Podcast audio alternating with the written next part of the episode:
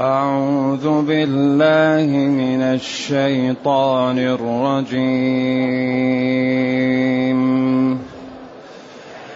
فاطر السماوات والأرض جعل لكم من أنفسكم أزواجا ومن الأنعام أزواجا ومن الأنعام أزواجا يذرأكم فيه ليس كمثله شيء ليس كمثله شيء ليس كمثله شيء السميع البصير. وهو السميع البصير له مقاليد السماوات والأرض يبسط الرزق لمن يشاء. يبسط الرزق لمن يشاء ويقدر. إنه بكل شيء عليم. شرع لكم من الدين ما وصى به نوحا والذي أوحينا إليك والذي أوحينا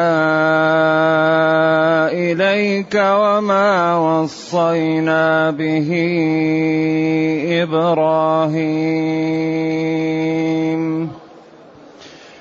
وما وصينا به إبراهيم وموسى وعيسى. أن أقيموا الدين ولا تتفرقوا فيه. كبر على المشركين ما تدعوهم إليه. الله يجتبي إليه من يشاء. الله يجتبي إليه من يشاء. ويهدي من ينيب وما تفرقوا إلا من بعد ما جاءهم العلم بغيا بينهم إلا من بعد ما جاءهم العلم بغيا بينهم. ولولا كلمة سبقت من ربك إلى أجل مسمى لقضي بينهم. لقضي بينهم وإن الذين أورثوا الكتاب من بعدهم لفي شك لفي شك منه مريب.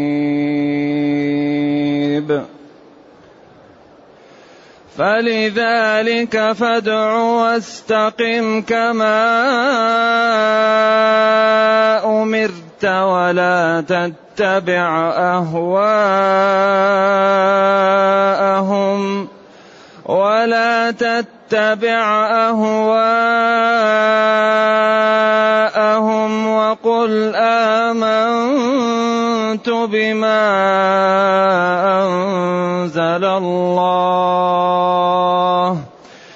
وقل آمنت بما أنزل الله من كتاب وأمرت لأعدل بينكم الله ربنا وربكم الله ربنا وربكم لنا أعمالنا ولكم أعمالكم لا حجة بيننا وبينكم الله يجمع بيننا وإليه المصير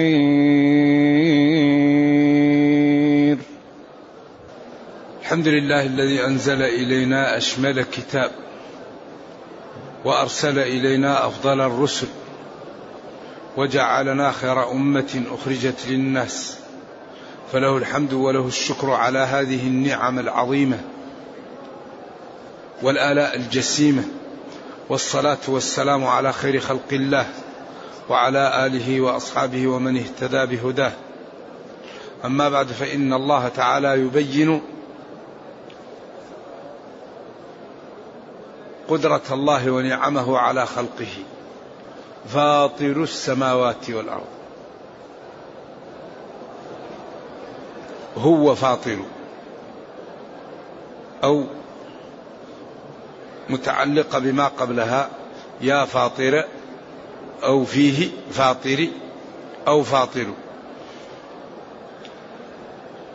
والإفطار هو الإتيان بالشيء على غير مثال سابق. فطار الأمر إذا إيش؟ إذا إذا بدأه. ومنه الإفطار ومنه الفطر السنة التي تخرج الجمل يقال له فطر. إذا شقت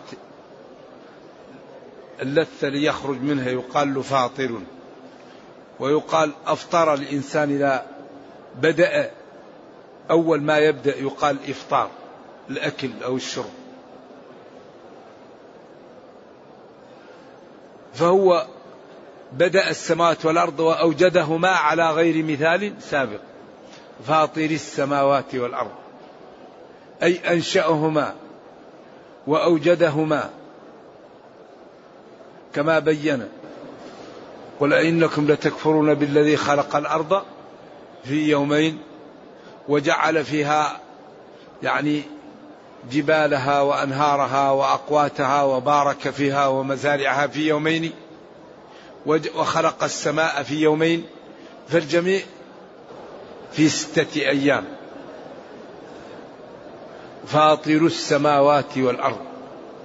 الله جل وعلا جعل أوجد لكم من أنفسكم أزواجا. وجعل لكم من الأنعام أزواجا تتناسلون بينكم بالأزواج وتتناسل الأنعام للأزواج لتقضي أموركم وتكون نعما لكم. ففيها النعم وفيها إظهار بيان القدرة. يذرأكم يوجدكم به أو فيه إما في بمعنى الباء أو ينشئكم في فيه أي في ذلك الخلق أو في الرحم أو في بطن أمهاتكم على على الخلاف الموجود فيه. ليس كمثله شيء وهو السميع البصير. ليس. فعل جامد للنفي كمثله. ليس للنفي والكاف للن... أيوه. الكاف للتشبيه ومثل للتشبيه. وهنا أقوال للعلماء. هل كأنه ليس مثله شيء أو ليس كهو شيء؟ هل الزائد الكاف أو المثل؟ أو جاء هذا لتأكيد أنه لا مثيل لله تعالى؟ فجاء بليس وجاء بالكاف لتأكيد أنه لا مثيل له. ولذلك قدرته لا مثيل لها. علم حلم يعني صبره على خلقه هو يغذيهم وهم يكفرون به. نعمه سائلة عليهم وكفرهم وإساءتهم إليه جل وعلا. بعدين قال وهو السميع البصير. السميع لأقوالكم ومناداتكم ومناجاتكم وما تسرون وما تعلنون. العليم بنياتكم وبما تقولون. ولذلك قالوا إن هذه الآية هي أصل إثبات الصفات. أننا نثبتها لكن على أساس التنزيه. لأن السمع والبصر صفتان يتصف بهما جميع المخلوقات. والله أخبر أنه لا يشابهه شيء ولا مثله شيء. فأثبت لي سمعي وبصري على أساس أني منزه عن مشابهة الخلق وليس كمثلي شيء.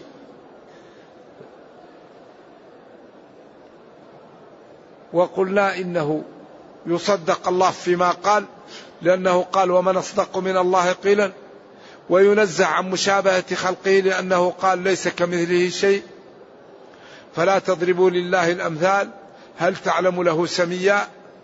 ونقطع أفكارنا عن إدراك كنه وكيفية اتصاف الله تعالى بصفاته لأنه قال ولا يحيطون به علما لا تدركه الأبصار هذه طريق سلامة محققة أما جل المسلمين الذين يقولون نحن لا نعرف استواء إلا كاستواء المخلوق وإذا أثبتنا الاستواء نكون شبهنا الله إذا نقول استولى ونقول الاستيلاء منزه.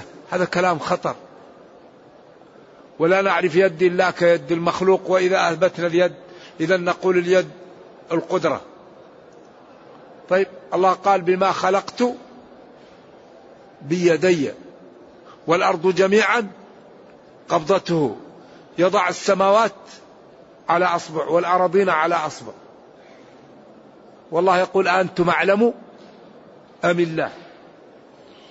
ولكن ننزه أولا ونثبت ونقطع أطباعنا عن إدراك الكبير. وهذا واضح بينه الله ونبينا صلى الله عليه وسلم الذي أنزل الله عليه لتبين للناس وتأخير البيان عن وقت الحاجة لا يجوز.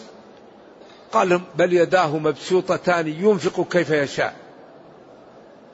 بل يداه مبسوطتان ينفق. وقالت اليهود يد الله مغلولة غلت أيديهم ولعنوا بما قالوا. بل يداه مبسوطتان. أنى يكون له ولد ولم تكن له صاحبة وخلق كل شيء وهو بكل شيء عليم. ذلكم الله ربكم. فذلك خلق من العلماء والفضلاء أخطأوا في هذا الجانب. والسبب استعمال العقل في محل لا يصلح فيه إلا النص لأن هذه الأمور لا تعد فيها النصوص. فلا يستعمل العقل في هذا أبدا. ما قال الله نقله وما قاله رسوله نقله وما صلى الله عليه وسلم وما نفاه الله عن نفسه ننفيه وما نفاه رسوله عنه ننفيه وما سكت عنه الوحي نسكت. ذلك هذا الذي عليه الأئمة الإمام أبو حنيفة والإمام مالك والشافعي وأحمد رحمهم الله والبخاري ومسلم. وكل أهل السنة والجماعة على هذا المذهب. أما الذين يتدخلون ويأتون بأشياء لم تثبت وينفون أشياء ثابتة هذا مزلق وخطر. وإن كان كثير من هؤلاء نرجو له الخير وأنه ما يقصد إلا التنزيه ولكنهم كما قال الشافعي رام نفعا فضر من غير قصد ومن البر ما يكون عقوقا. هؤلاء ولذلك ما قاله الله نقوله وما نفاه ننفيه وما سكت عنه الوحي نسكت. هذه طريق سلامة محققة. إذا وهو السميع البصير. سمع لائق بجلال الله وكماله نستعمل فيه الأسس الثلاثة. له جل وعلا مقاليد السماوات والأرض. مقاليد قيل جمعها مفاتيح. أيوة إقليد والله. أيوة ما لها مفرد. قيل مفاتيح وقيل الأصل أنها غير عربية. مفاتيح مخازن السماوات والأرض بيد الله. يغني هذا يفقر هذا ينزل المطر يمنع يأتي بالقحط يأتي بالخير. كل شيء مقالده عند الله تعالى.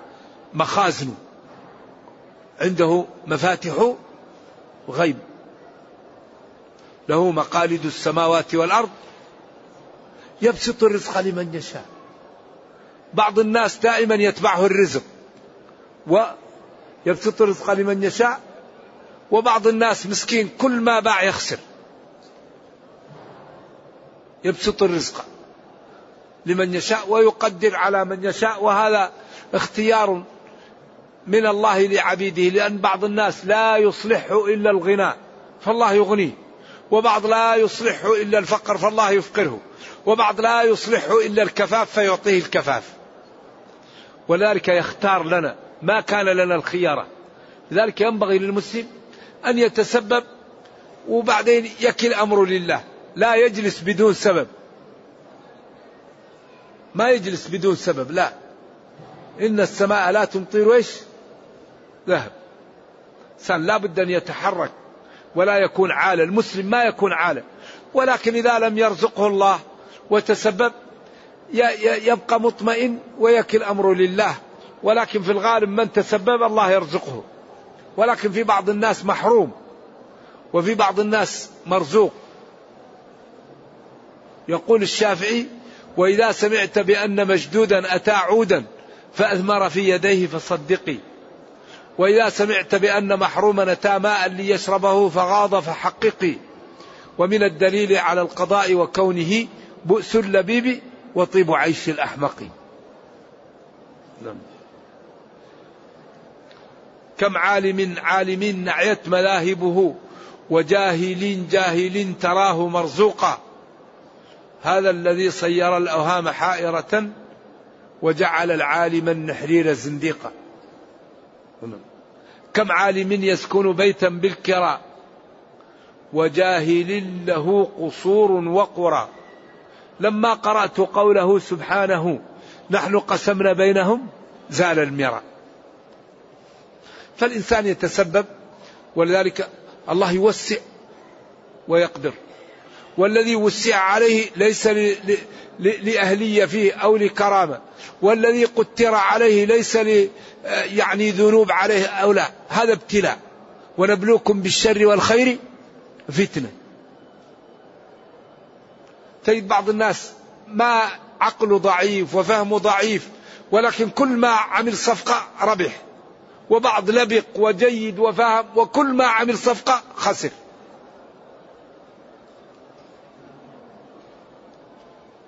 ابتلاءات. تجد واحد قوي وصاحب منظر وصاحب شارة ولكنه لا يفهم ما يمكن يفهم. وتجد واحد ضعيف ونحيف ونحيل وضعيف وهو كل ما قرأ يفهم. هذه أمور منح إلهية. ولكن الله يمن على من يشاء. ومن أحسن المنن أن يرزق العبد علما وتقى. أحسن ما يعطى الإنسان في الدنيا علم زائد تقى. هذا الذي ينبغي الحقيقة أن نبحث عنه وأن ندعو الله أن يعطينا إياه لأنه به الإنسان يسعد في دنياه وأخراه وينجو من من المزالق. ما في الدنيا مثل علم مزموم بالتقى. هذا هو الذي ينبغي أن يصرف فيه الوقت. وينبغي أن يتعب فيه وينبغي أن يسأل لله وينبغي أن أن نتسبب فيه. يبسط الرزق لمن يشاء ويقدر. إنه جل وعلا بكل شيء عليم. ولذلك من قتر عليه فليعلم أن هذا فيه له صالح إذا كان متقي. ومن وسع عليه إن شاء الله فيه صالح. إنه جل وعلا بكل شيء عليم وهو كريم ويختار لخلقه ما فيه الأصلح لهم ويختار ما كان لهم الخيارة. ولذلك لو يعجل لهم وقت غضبهم الدعاء كما يعجل لهم الإجابة في الخير لهلك الناس. لكن الله يرحمهم. ولو يعجل الله للناس الشر استعجالهم بالخير لقضي إليهم أجلهم. ولكن هو كريم. نعم. إنه بكل شيء عليم. فلذلك يوسع على من التوسعة فيها له خير ويضيق على من الضيق فيه له خير ويعطي الكفاف لمن فيه الخير. ولذلك المسلم ينبغي أن يكيل أمره لله ويتسبب. يصلي ويقول اللهم تقبل مني ويغض بصره ويقول اللهم ارزقني الورع. ويبيع ويشتري ويقول اللهم ارزقني الغنى ويقرأ ويقول اللهم ارزقني العلم. يقوم بالأسباب ويدعو الله. فإذا فعل ذلك يستجب له وتنجع الأسباب. ولذلك لا بد في هذه الدنيا من الأسباب. وقل اعملوا اعملوا. افعلوا الخير تعاونوا اثبتوا اذكروا الله. فالذي جعل هذه الأمة المرحومة بهذا الضعف لعدم القيام بالأسباب. الدنيا يحكمها قانون المسببات. فنحن نريد أن نأخذ الثمن والمذمون وهذا الذي قوض العالم الإسلامي مليار وستمائة مليون في المحافل يحجر عليه. لماذا؟ لأننا لا نقوم بالأسباب. أسباب العز ولا تنازعوا. ولا تنازعوا. هذا الأمر معطل النهي منتهك. وأعدوا. هذا الأمر معطل. إذا مليار وستمائة مليون أكبر أسباب ضعفه أوامر معطلة ونواهي منتهكة. فلا بد أن, أن, أن نتسبب في مراكز عملاقة لتفعيل الأوامر واجتناب النواهي. فإذا كان هذا ثقافة عند المسلمين عند ذلك عادوا إلى حالتهم الأولى. فإذا عادوا إليها دخل العالم في دين الله أفواه يروا صدق المسلمين ونزاهتهم وإكرامهم للناس واحترامهم للحقوق وعدم ظلمهم للآخرين فيزول ما على الإسلام من الغبش فيدخل العالم في دين الله أفواجا.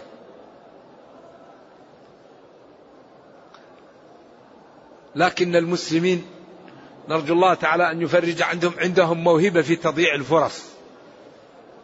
العالم الإسلامي عنده موهبة في تضييع الفرص نعم يقول جل وعلا إنه جل وعلا بكل شيء عليم لا يخفى عليه شيء. ولذلك لا ينجي إلا الصدق. ثم قال شرع لكم من الدين. شرع لكم. أيها المسلمون من الدين ما وصى به نوحا. ما أنزله على نوح ووصاه بالعمل به.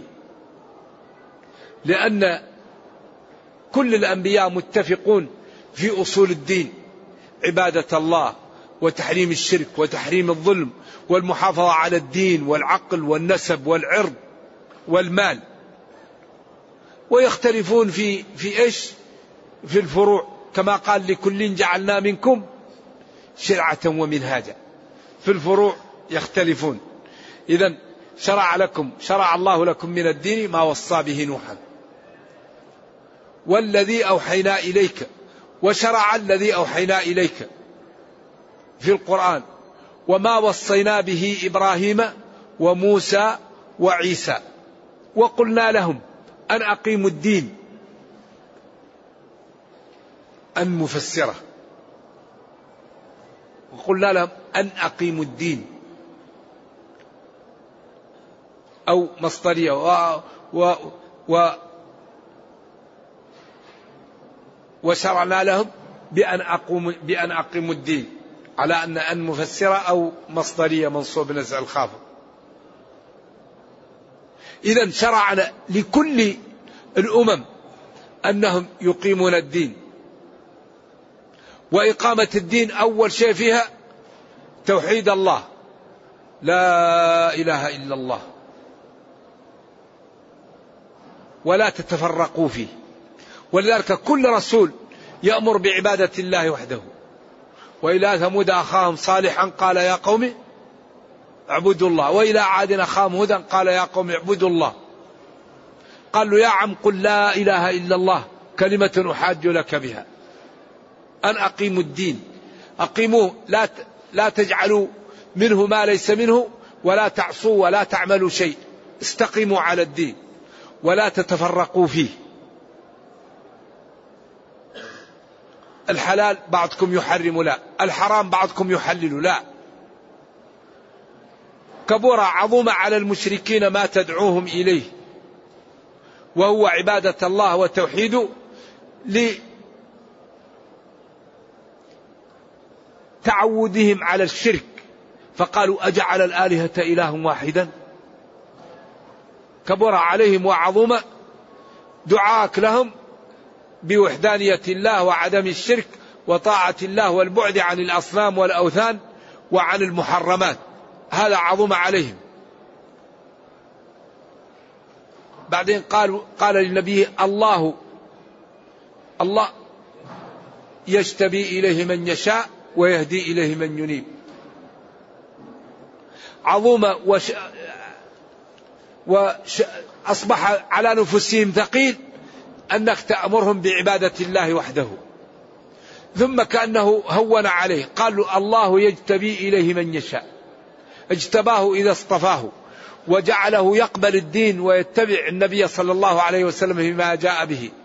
ويهدي إليه من من يرجع عن المعاصي ومن كتب الله له السعادة بأن جعله يقبل الخير.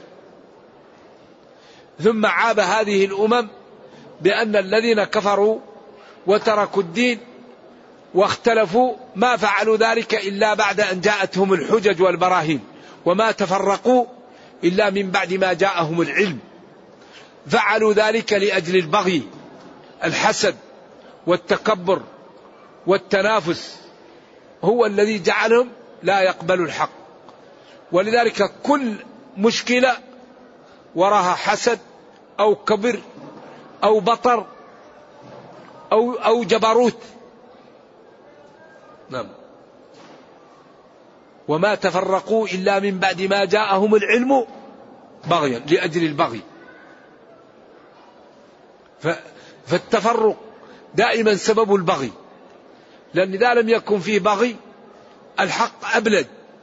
لكن الشريحة اللي تقبل الحق تكون عندها علم ودين وعندها فهم. والشرائح الأخرى لا تريد إلا إيش؟ إلا الاستطالة والتكبر واحتقار الآخرين فتخالف. وما تفرقوا إلا من بعد ما جاءهم بغيا لأجل البغي. ولذلك من أكبر أسباب الاتفاق أن نشيع بيننا ماذا؟ التنازل. التنازل. لأن كل خلاف وراه ما لو جاه أي خلاف وراه ما لو جاه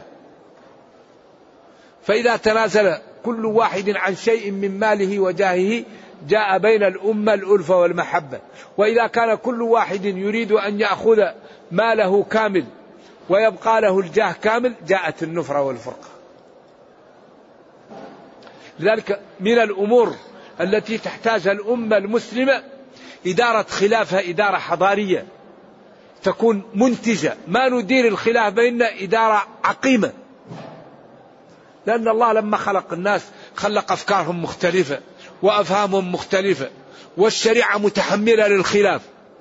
فينبغي أن ندير خلافاتنا إدارة نعيش مع بعض. ما ندير إدارة تكون عقيمة كلنا يخسر ما يصلح هذا. إذا لابد أن, أن نكون عندنا بحث كيف إذا اختلفنا نتعايش. قلنا أن الخلاف لا يخلو من واحد من أربعة أمور وأن هذه قسمة عقلية. عندك دليل عندي دليل ما فيه مشكلة. ما عندك دليل ما عندي دليل ما فيه مشكلة. عندك دليل ما عندي دليل نكون معك. عندي دليل ما عندك دليل تكون معي. إذا كيف ندير الخلاف إدارة منتجة؟ أول شيء يكون عندنا ثقافة فإن تنازعتم في شيء فردوه إلى الله والرسول. ثاني شيء ثقافة ارتكاب أخف الضررين. إذا كان لازم تقع مشكلة لازم نرتكب أخف الضررين. ولذلك تجد هذه الأمة يعني في كثير من أمورها ما استطاعت أن تدير بينها الخلاف إدارة منتجة. فلذلك أصبحت عندها أمور سلبيات كثيرة كانت يمكن أن تتفاداها بماذا؟ بإدارة الخلاف إدارة إدارة منتجة.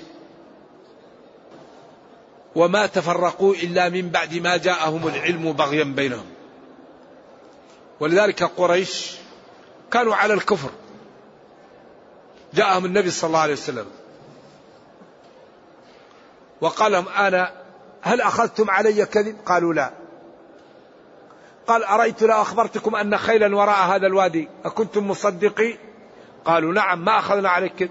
قال إني نذير لكم بين يدي عذاب شديد. قال عمه تبا لك ألسائر اليوم دعوتنا؟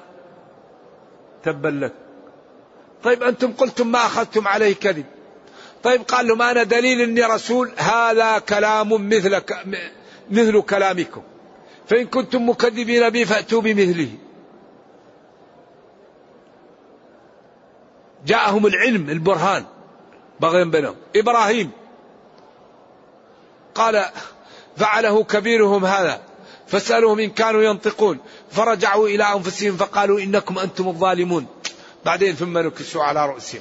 قالوا حرقوه وانصروا آلهتكم. موسى قالوا هذا مهين أم أنا خير من هذا الذي هو مهين؟ بعدين قال لهم أنا رسول دليل هذه العصا عندي. قالوا نحن نجيب الحبال والعصي ونأتي. فرمى العصا فابتلعت الحيات وكل الحبال. السحرة سجدوا. لأنهم علموا أن هذا ليس من السحر. لذلك قال الله فألقي السحرة ساجدين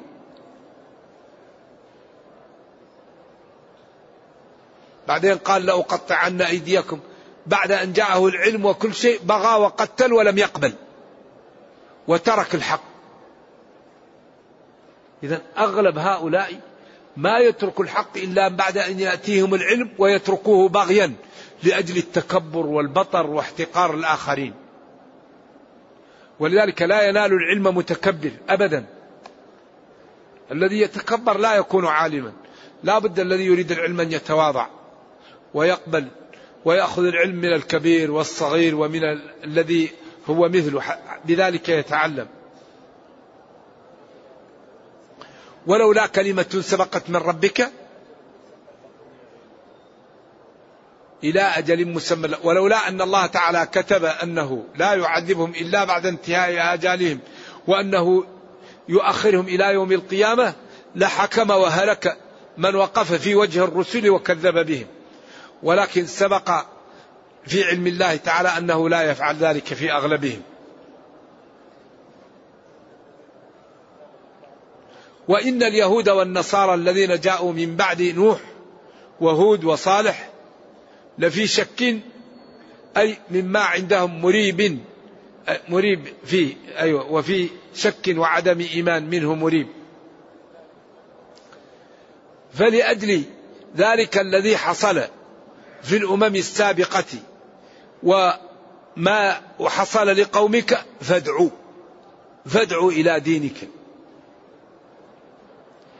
واستقم كما أمرت. قيل هذه من الآيات شيبتني هود وأخواتها.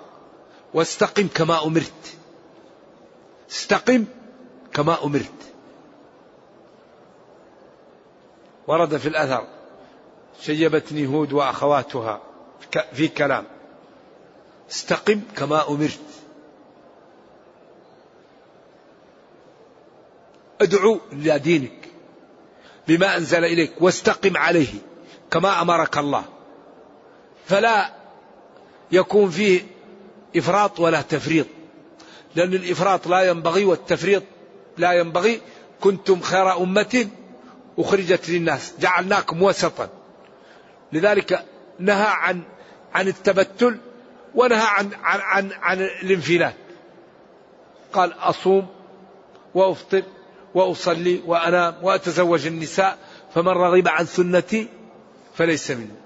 لنفسك عليك حق ولأهلك عليك حق ولزورك عليك حق فأعط كل ذي حق حقه.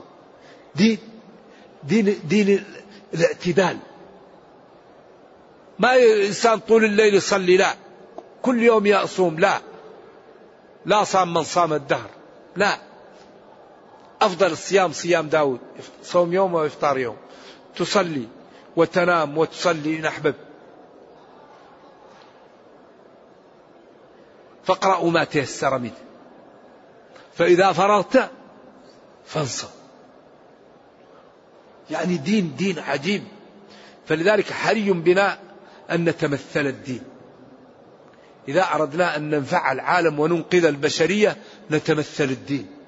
إنقاذ البشرية بتمثل المسلمين لهذا الدين بعد فهمه. نفهم الدين ونعلمه ونتمثله. فإذا علمناه وعملنا به أهل الأرض يدخلون في الإسلام. استقم كما أمرت ولا تتبع أهواءهم. يودوا أن تكون معهم وتساعدهم. كما قالوا اعبد ربنا سنة نعبد ربك. نفعل أفعل. لا. وقل آمنت بما أنزل الله من كتاب. كل الكتب آمنت بالتوراة والإنجيل والزبور والصحف. والقرآن. آمنت بما أنزل الله من كتاب. بما أنزل الله من الكتب. كل الكتب آمنت. أقول آمنت بما أنزل الله من كتاب. وأمرت من ربي أن أعدل بينكم. لا أظلم. كل شخص نعطيه حقه. ولا نأخذ ما ليس لي. الله ربنا وربكم. لنا أعمالنا ولكم أعمالكم. قال بعض العلماء هذه منسوخة بآية القتال وليست منسوخة. كل واحد عمل له. لا حجة بيننا وبينكم. كل واحد يعني عمله سيعطى إليه ويوم القيامة ينظر من ظلم تؤخذ منه المظلمة ومن كان مظلوم يعطى له حقه ومن كان عياذا بالله على على ضلال يجازى ومن كان على خير وعلى حق يكافئ.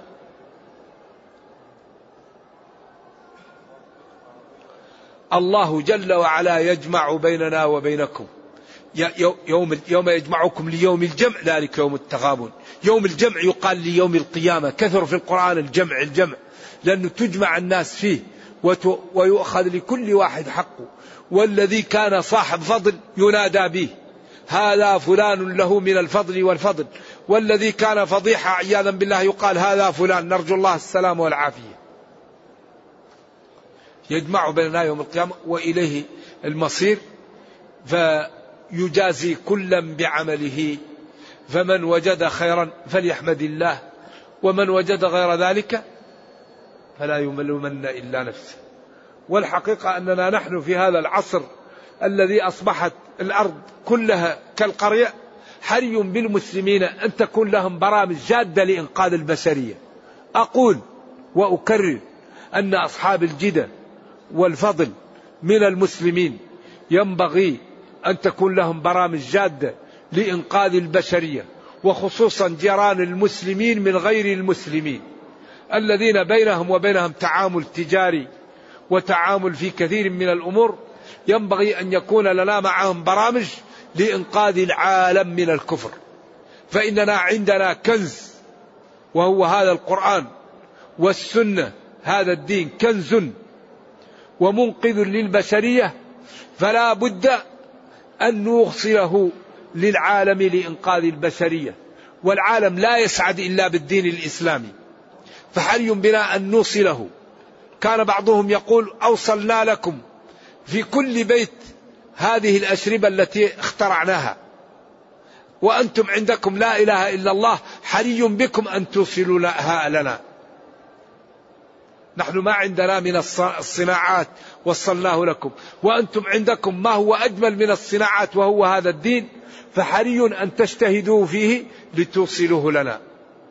وأهم شيء يوصل به هو أن نتمثله ونرفق بالناس. أولا نتمثل الدين ثم نرفق. ما يوجد شيء أنفع للآخرين من الرفق. أيوة فقولا له قولا لينا. ولو كنت فظا غليظ القلب لانفضوا من حولك. ما كان الرفق في شيء إلا زانه. فنرفق بالناس ونوصل لهم هذا الدين بالرفق وتكون لنا برامج عملاقة. أي واحد يحاول أن يشوه الدين نقول له ما قلت كذب. الدين لا يقول هذا. الدين يقول كذا وكذا. فلا تكذب على الدين وهذا الذي قلت غير صحيح. فتكون لنا يعني مراكز عملاقة للرد عن الإسلام ولتفهيم الناس له ولترجمة معاني تفسير معاني القرآن للعالم. فإذا فعلنا ذلك كان فيه خير كثير وعلى الأقل معذرة إلى ربنا. معذرة لأننا إذا لم نقم بهذا يوشك أن يلببنا أعداؤنا يوم القيامة ويقولون يا ربنا إن المسلمين عندهم الإسلام ولم يبلغوه لنا. فهذا يكون معذرة لنا. نرجو الله جل وعلا أن يرينا الحق حقا ويرزقنا اتباعه وأن يرينا الباطل باطلا ويرزقنا اجتنابه وأن لا يجعل الأمر ملتبسا علينا فنضل. اللهم ربنا أتنا في الدنيا حسنة وفي الآخرة حسنة وقنا عذاب النار. سبحان ربك رب العزة عما يصفون وسلام على المرسلين والحمد لله رب العالمين. وصلى الله وسلم وبارك على نبينا محمد وعلى آله وصحبه. والسلام عليكم ورحمة الله وبركاته. ما الخطوات التي يخطوها الشخص للاستقامة في الدين؟ ما يرى أنه واجب لا يتركه. وما رأى أنه حرام لا يفعله والأمور المشتبهة يتركها. ولا يقدم على شيء إلا إذا عرف أنه جائز. إذا حج الشخص حج بدل هل له أجر الحج؟ له أجر ما أخذ من البدل. وإذا دعا ربه أو كان محتاجا حاجة بينة وكان قلبه فيه الدين إن شاء الله أنه يجد الأجر لأن نبينا صلى الله عليه وسلم قال وجعل رزقي تحت ظل رمحي ولكن لا لا يقاتل لأجل المال، يقاتل لأجل إعلاء كلمة الله والمال يأتي تبع فهذا لا يضر. إذا كان الإنسان إمام أو مؤذن أو حج بدلا وهو لا يريد المال وإنما يريد أن يقوم بهذا العمل والمال جاء تبع يأخذ الأجر كامل. وإذا كان الإنسان يريد المال فهو قد أخذ المال، إنما الأعمال بالنيات. الأمور تتمايز بالنية وهذا لا يعلمه إلا صاحب العمل نعم هل للمرأة أن تذهب للحج من غير محرم المحققون يقولون لا يجوز. كثير من العلماء قال لأن من شروط وجوب الحج على المرأة المحرم. والشافعي وأحمد والشافعي ومالك يقولون إن المرأة إذا كانت الحجة صيرورة حجة الوجوب ووجدت رفقة آمنة أن يجوز لها أن تحج معها. هذا رأي للشافعي ولمالك. ولكن من شروط وجوب الحج وجود المحرم. إذا لم تجد محرم لا. لأنه قال لا يحل لامرأة تؤمن بالله واليوم الآخر أن تسافر مسيرة يوم أو ليلة إلا مع ذي محرم. ما قال إلا للحج الواجب. ما استثنى. والشافعي استدل بقوله سيأتي على من صنعاء إلى حضرموت لا تخاف إلا الله والذيب على غنمها قالوا إذا كانت لا تخاف يجوز لها أن تسافر بمفردها وهذا استنباط من الشافعي والله أعلم. رجل اراج الحج ويريد أن يتمتع عن غيره في أشهر الحج فهل عليه دم؟ نعم عليه دم. هل العباد ينظرون إلى ربهم يوم القيامة نعم إنكم ترون ربكم يوم القيامة لا تضامون فيه يعني لهم ما يشاءون فيها ولدينا مزيد. لكن كما ذكرنا آه، في الأمور أيوة، من غير تكييف ولا تعطيل ومن غير تشبيه ولا ولا ولا تمثيل. ما معنى تفكروا في خلق الله ولا تتفكروا في الله؟ لأن الله لا يحاط به وخلق الله ولذلك قال كفاك من عرفانه الفؤاد لا قبل ظهر الفساد. الله الذي خلقكم. ثم رزقكم ثم يميتكم ثم يحييكم. هل من شركائكم من يفعل من ذلك من شيء؟ سبحانه وتعالى عما يشركون. تفكروا في آلاء الله ولا ت... أيوة. يقول إنه مقصر مع والديه ولكنه يفرح لهم. على كل حال الإنسان يحاول أن يبذل ما يستطيع لوالديه ولا يكلف الله نفسا إلا وسعها. ما الحكم إذا نسي الإمام السجدة الأخيرة قبل التشهد الأخير؟ وهل تجزئ سجود السهو؟ لا يجزئ سجود السهو عن ركن. أبدا. الأركان لا بد أن يؤتى بها. سواء في الحج أو في الصلاة.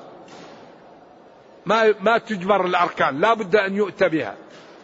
فالذي ترك ركعة أو سجدة هذه الركعة يلغيها ويعمل ركعة أخرى. فإن طال الوقت عاد الصلاة.